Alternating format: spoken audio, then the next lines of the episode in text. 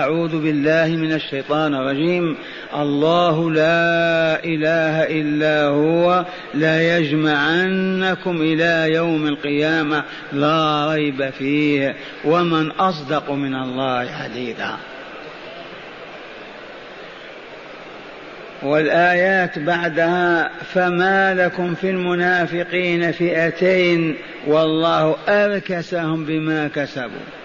أتريدون أن تهدوا من أضل الله؟ ومن يضلل الله فلن تجد له سبيلا. ودوا لو تكفرون كما كفروا فتكونون سواء. فلا تتخذوا منهم أولياء حتى يهاجروا في سبيل الله. فإن تولوا فخذوهم واقتلوهم حيث وجدتموهم ولا تتخذوا منهم وليا ولا نصيرا. والآيات سياسة حربية في أعلى الدرجات مردها إلى إمام المسلمين. وإلا فما قبل رسول الله صلى الله عليه وسلم حتى انتهى الشرك والمشركون في الجزيرة. لأن آخر ما نزل فاقتلوا المشركين حيث وجدتموهم. حتى لا يجتمع دينان في الجزيرة. يبقى خارج الجزيرة إمام المسلمين قد يضطر إلى هذه التوجيهات الإلهية ويعمل بها. خارج الجزيرة. وسوف نقف عليها إن شاء الله قضية بعد أخرى. الآن علمنا بالأمس أن الله تعالى أخبر عن نفسه فقال أنه لا إله إلا هو. وتقرر وتأكد وثبت باليقين أنه لا إله حق إلا هو. لا معبود حق أي معبود يستحق العبادة إلا الله. لو بحثت في الشرق والغرب في السماء والأرض عمن يستحق أن يعبد والله ما وجدت. ولن تجد. لماذا يا هذا؟ الجواب لأن الذي نحبه بقلوبنا ونذل له ونخضع بألسنتنا وجوارحنا ذاك الذي وهبنا حياتنا. خلقنا رزقنا حفظنا خلق الأشياء في الكون من أجلنا حتى الجنة والنار. هذا الذي نعطيه قلوبنا هذا الذي بيده كل شيء وإليه مصير كل شيء. كيف لا نركله ونسجد؟ ومن عدا الله سواء كان ملائكة في السماء أو ملائكة في الأرض أو أنبياء أو صلحاء أو أيا كان لا يستحق أن يكون إلها. وما اتخذ الجهال من آلهة فهي آلهة باطلة. وإن شئت أن تضحك هذا النصراني. الذي يعبد الصليب وعلقه في عنقه. رمز إلى أن عيسى بن مريم صلبه اليهود والله ما صلبوا وما قتلوه صلبه اليهود لو كان ربا إلها خالقا مدبرا يقتله أعداؤه. أي فهم هذا؟ أي سقم؟ أي مرض؟ الذي يعبد وتنحني له وتركع وتسجد يقتله عدوه يصح أن يكون إلها يضحكون عليهم ويسخرون منهم. أما الأصنام والأحجار والأشجار فهي عبارة عن تماثيل أمام العابدين وهم يعتقدون أنها تستمد خيراتها وبركاتها من الله فهم يتقربون بها إلى الله. فعبدوها بدل الله عز وجل. والخلاصة لو يصلب أحدنا لو يحرق لو يقتل على أن يقول يوجد إله مع الله ما لا وجود له. لا إله إلا الله. وهذه شهادة الله التي حفظناها وما زلنا نتوسل بها إلى الله. شهد الله أنه لا إله إلا هو. والملائكة الذين يجوبون العوالم شهدوا أنه لا إله إلا الله وأولو العلم من الرسل والأنبياء إلى أتباع من أهل العلم الكل شهدوا أنه لا إله إلا الله. فكيف توجد أنت إله؟ اخر وهذه الآية قلنا بلغوها لإخوانكم. إذا أنت ما تستطيع أن تستدل على وجود الله وعلمه وقدرته وحكمته ورحمته بآيات الكون ولا بآية القرآن علموا فقط. يقول أنا أشهد بشهادة الله. ما دام الله قد شهد أنا أشهد بأنه لا إله إلا الله. والله لا, كان من أهل الشهادة. وإذا زاد والملائكة أيضا أنا أشهد بما شهد الله وما شهد به الملائكة. وأولو العلم أيضا إذا أصبح يقينا ثابتا مستقرا في نفسه. شهد الله أنه لا إله إلا هو والملائكة أيضا شهدوا وأولو العلم شهدوا. وأولو العلم ابدا بالرسل والأنبياء وبالعلماء التابعين لأنبيائهم العالمين بكتب, بكتب ربهم. وصاحب هذه الشهادة لا تثبت له ولا يثاب عليها حتى يحققها بأمرين. هذا الكلام تكرر عن عندنا من الضروريات. نختبر منه يا من شهدت أنه لا إله إلا الله اعلم أن شهادتك لا تصح ولا تقبل ولا تعطى عليها ثوابا إلا إذا حققت أمرين ضروريين. ما أنتم في حاجة إلى معرفتهم ما هناك حاجة. الأول أن تعبد الله الذي شهدت أن لا معبود إلا هو. فإن لم تعبده أين كذبك وأين شهادتك؟ أنت تعلن أنه لا معبود بحق إلا الله ولا تعبده. متهم بأنك تكذب ولا لا؟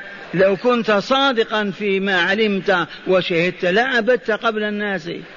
الأمر الثاني ألا ترضى بعبادة غيره فإن كنت تجالس من يعبدون غير الله تضحك معهم وتأكل وتشرب مقتنع بعبادتهم أنت هذا الموقف يقدح في شهادتك. فهمتم هذين الأمرين ولا لا؟ أن تعبده أولا وحده. ثانيا ألا ترضى أبدا بعبادة غيره. حتى ولو كان العابد أباك أو أمك. لماذا؟ لأنك تقرر وتعلن أنه لا يستحق العبادة إلا الله. فكيف إذا ترى من يعبده يعبد غيره وترضى بذلك؟ والآن بما يعبد الله عز وجل بلغنا أن عالما بجزائر وأقوى.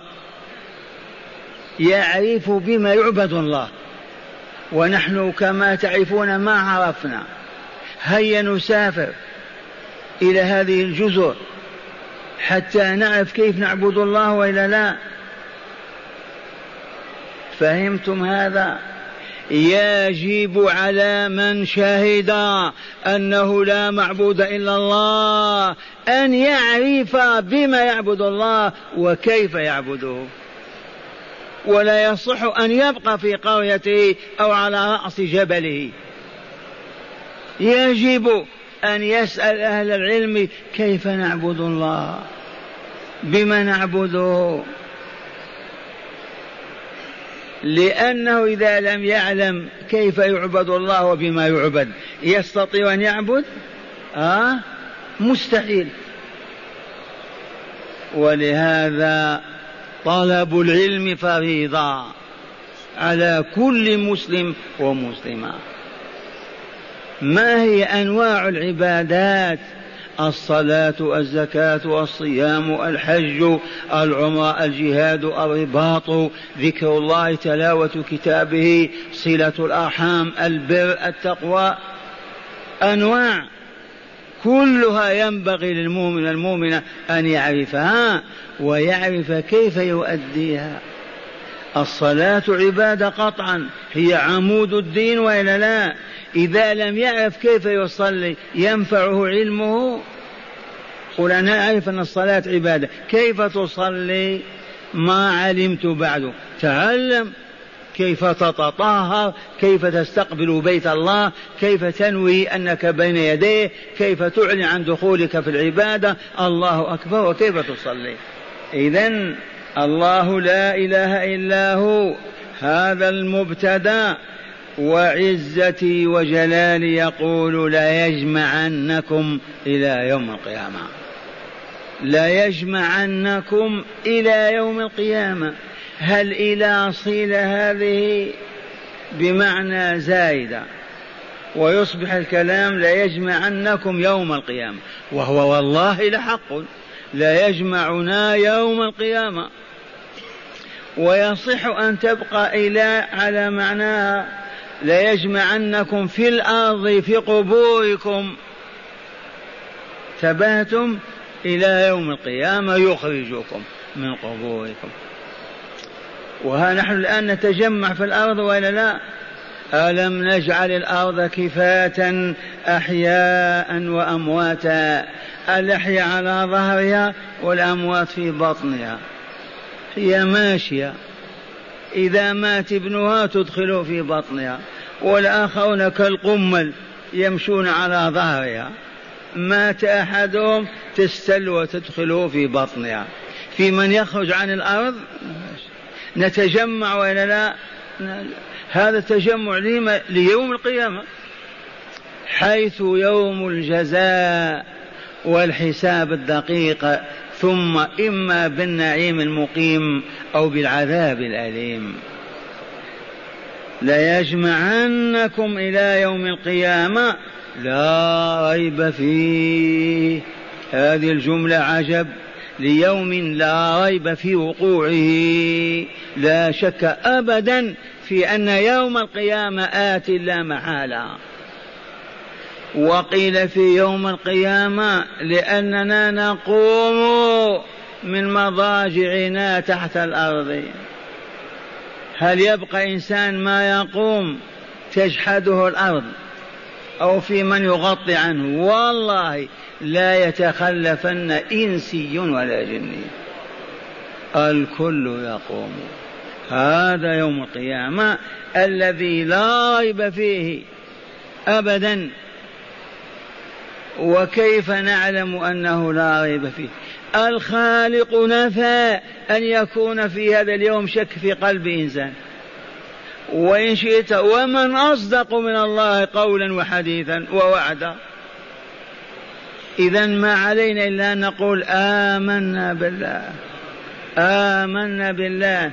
حلف الله جل جلاله على أنه سيجمعنا تحت الأرض وذلك ليوم القيامة. يجمعنا يوم القيامة ويحشرنا في ساحة واحدة أبيضنا وأصفرنا ويجري الحساب في فترة من الزمن مقدارها خمسون ألف سنة من أيامكم هذه. ثم تستقر الحياة على ما هي عليه.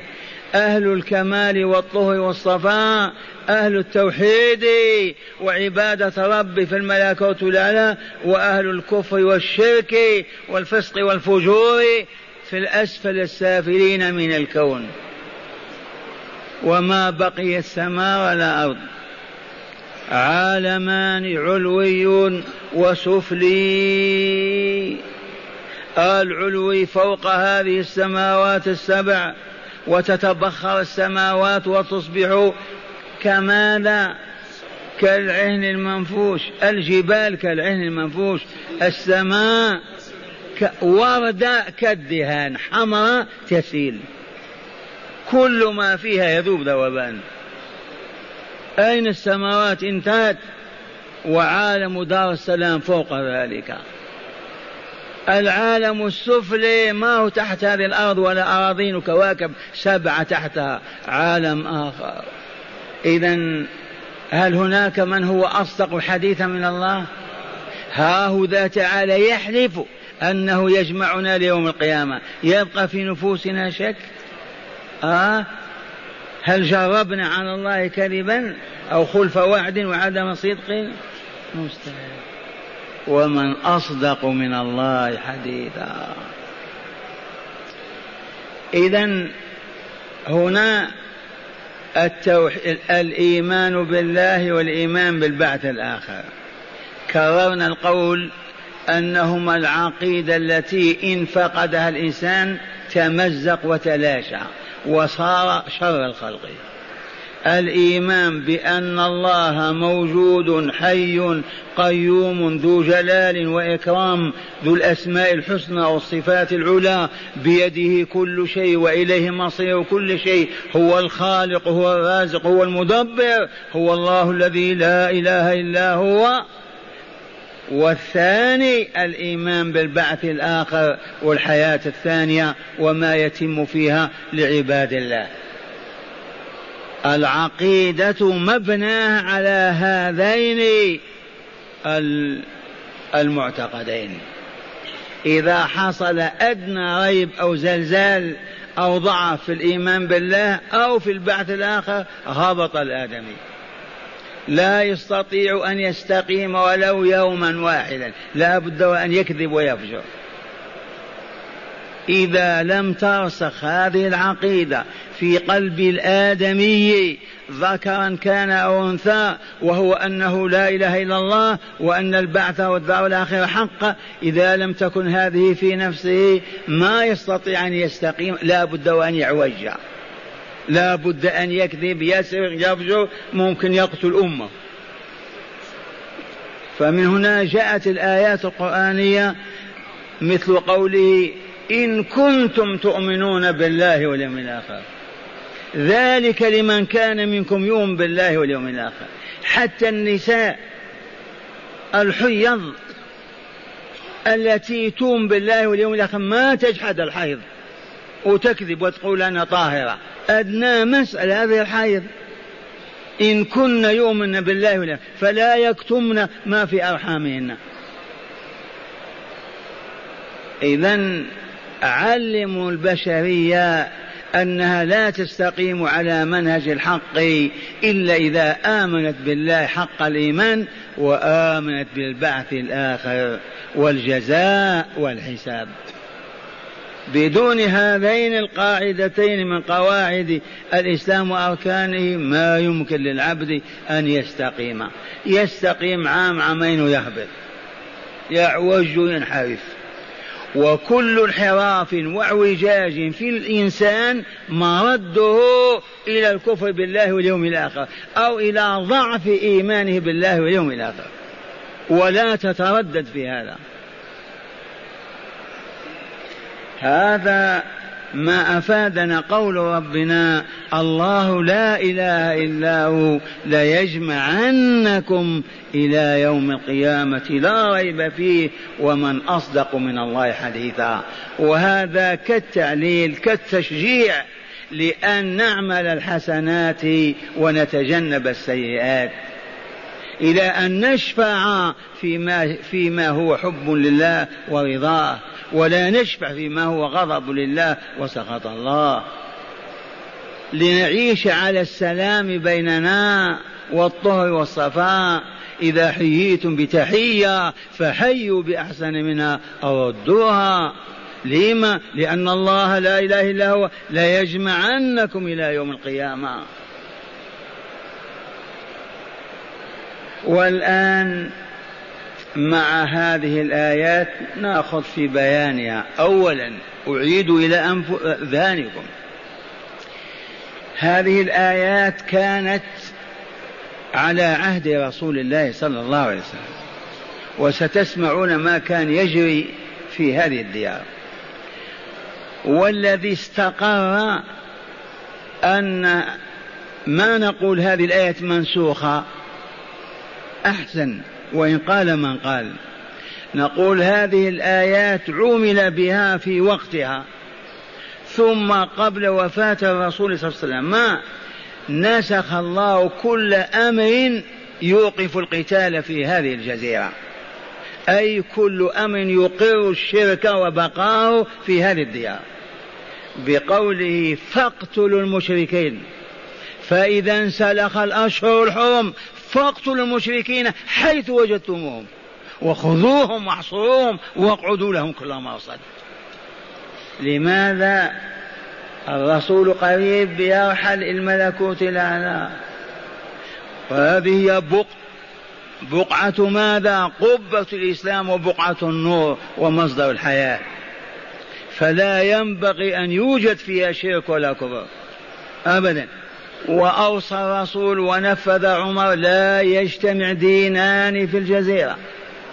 لا يجتمع دينان في الجزيرة. أي هذه الجزيرة؟ فلا يحل أن توجد كنيسة ولا بيع بيعة ولا معبد للمجوس أبدا.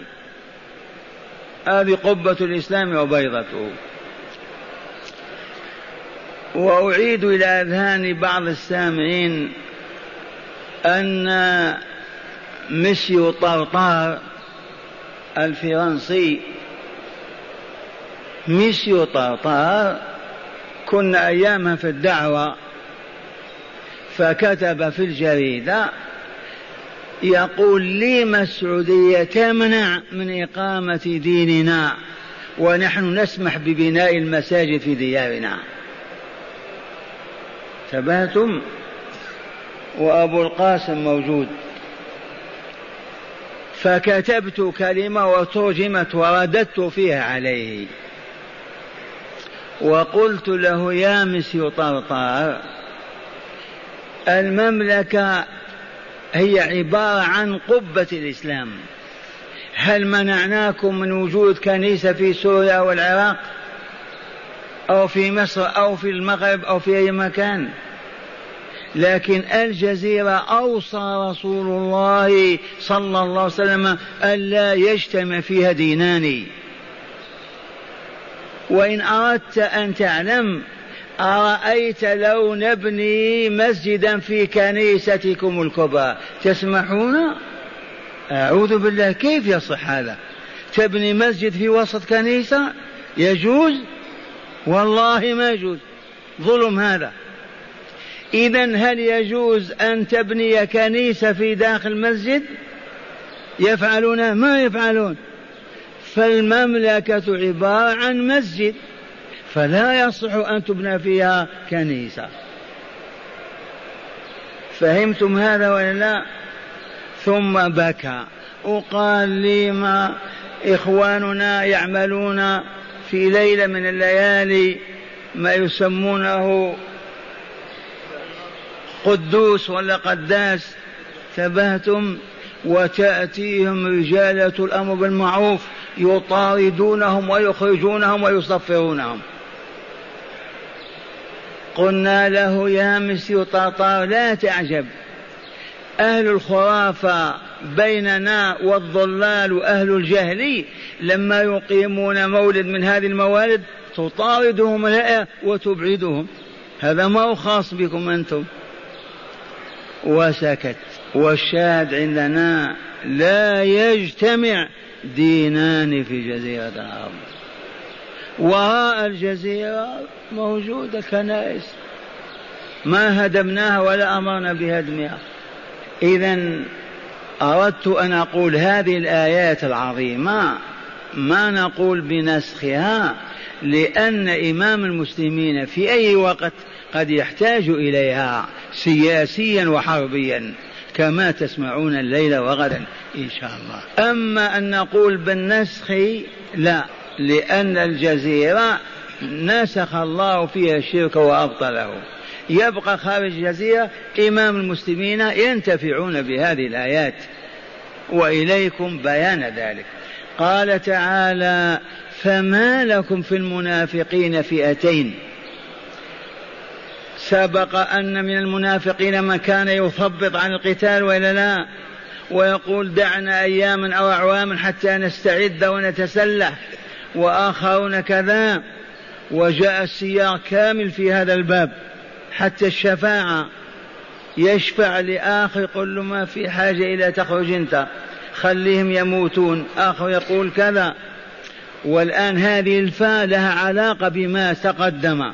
وإنما جملة الله لا إله هو ذكرت لبيان أن الله سيجزينا يا أهل الإحسان على إحساننا وسيجزي أهل الإساءة على إساءتهم لأنه العدل الرحيم وذلك يوم القيامة الذي لا ريب فيه فما لكم في المنافقين فئتين أي جماعة فئة تقول ارحموهم والطفوا بهم وفئة تقول شددوا عليهم اضربوهم اقتلوهم. هذا حصل بين أصحاب رسول الله صلى الله عليه وسلم. ولا تظن غير هذا. الحماس والاندفاع موجود مع المؤمنين دائما. فالله عز وجل يقول فما لكم أي شيء جعلكم تختلفون؟ والله أركسهم بما كسبوا. الارتكاس كالانتكاس الأعلى يصبح أسفل.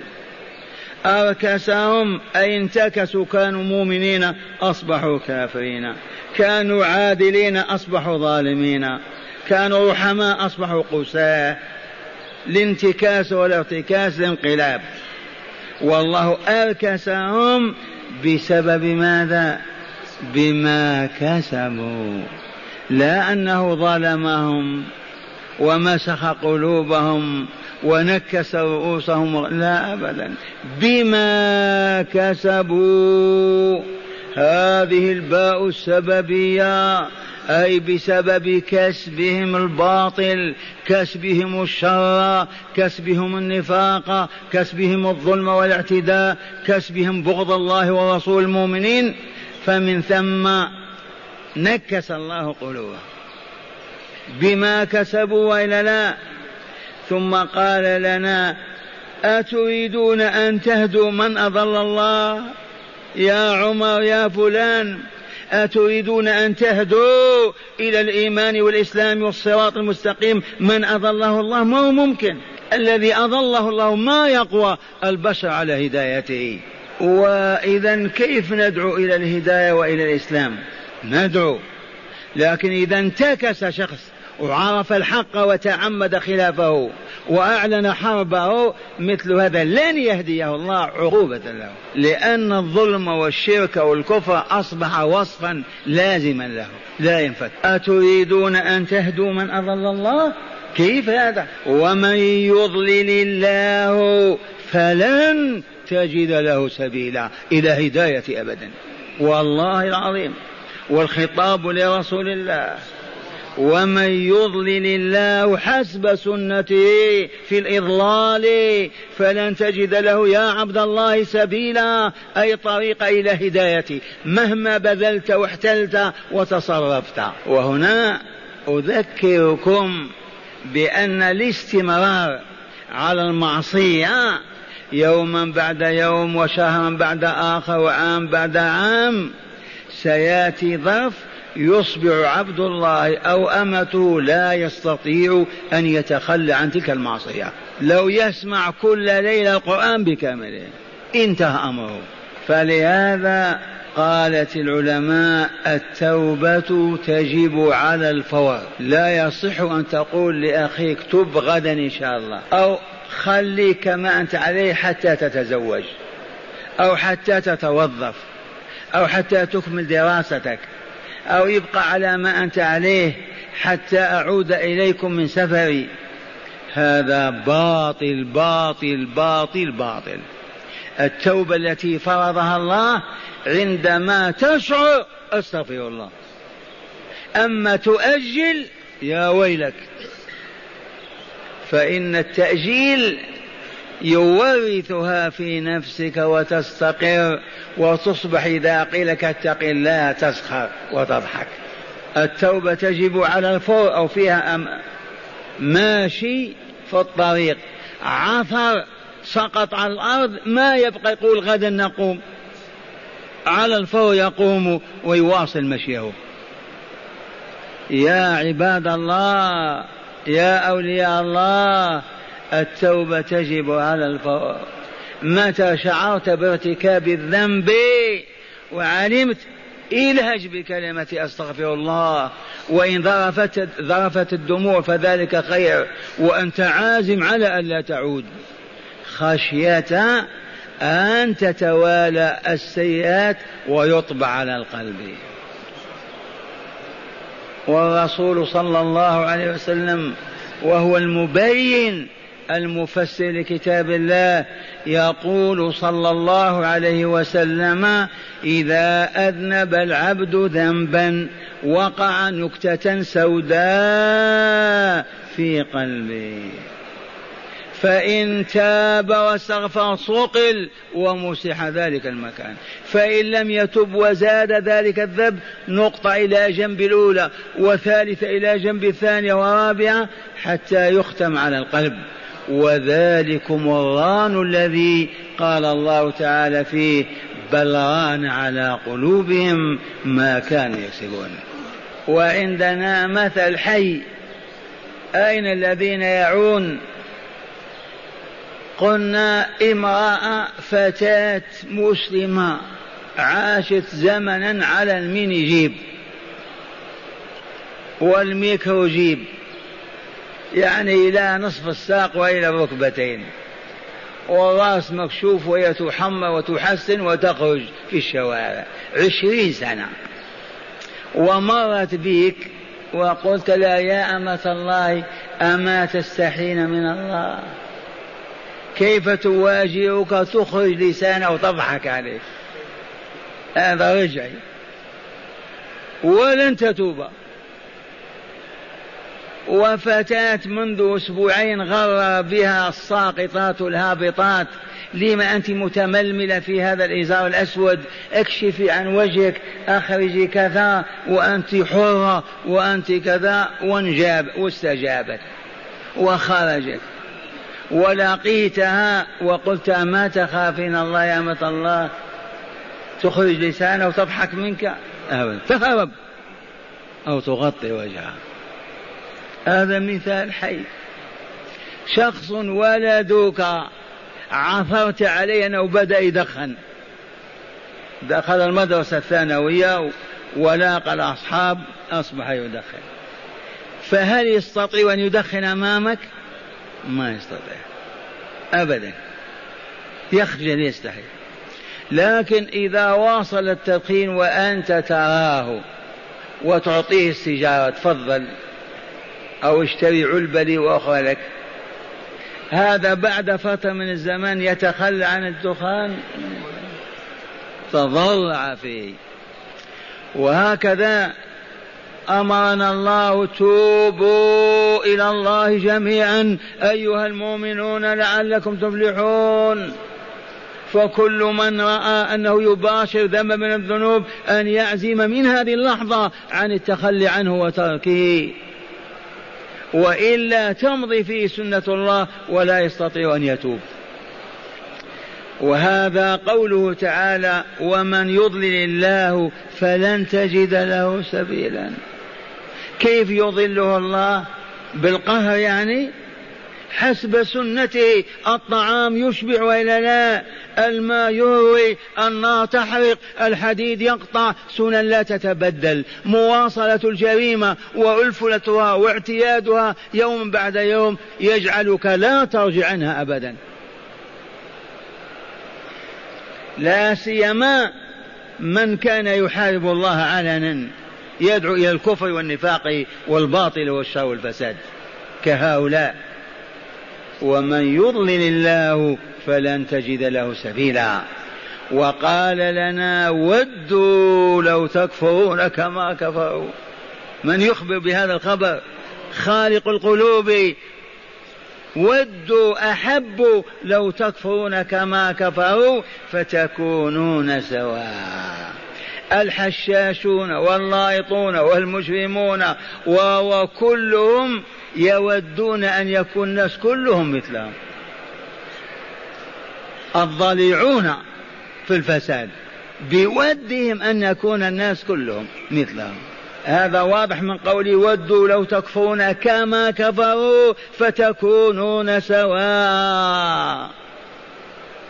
الآن الثالوث المجوس واليهود والنصارى يعملون الليل والنهار كادحين عاملين من أجل إطفاء نور الإسلام ليكون البشر مثلهم.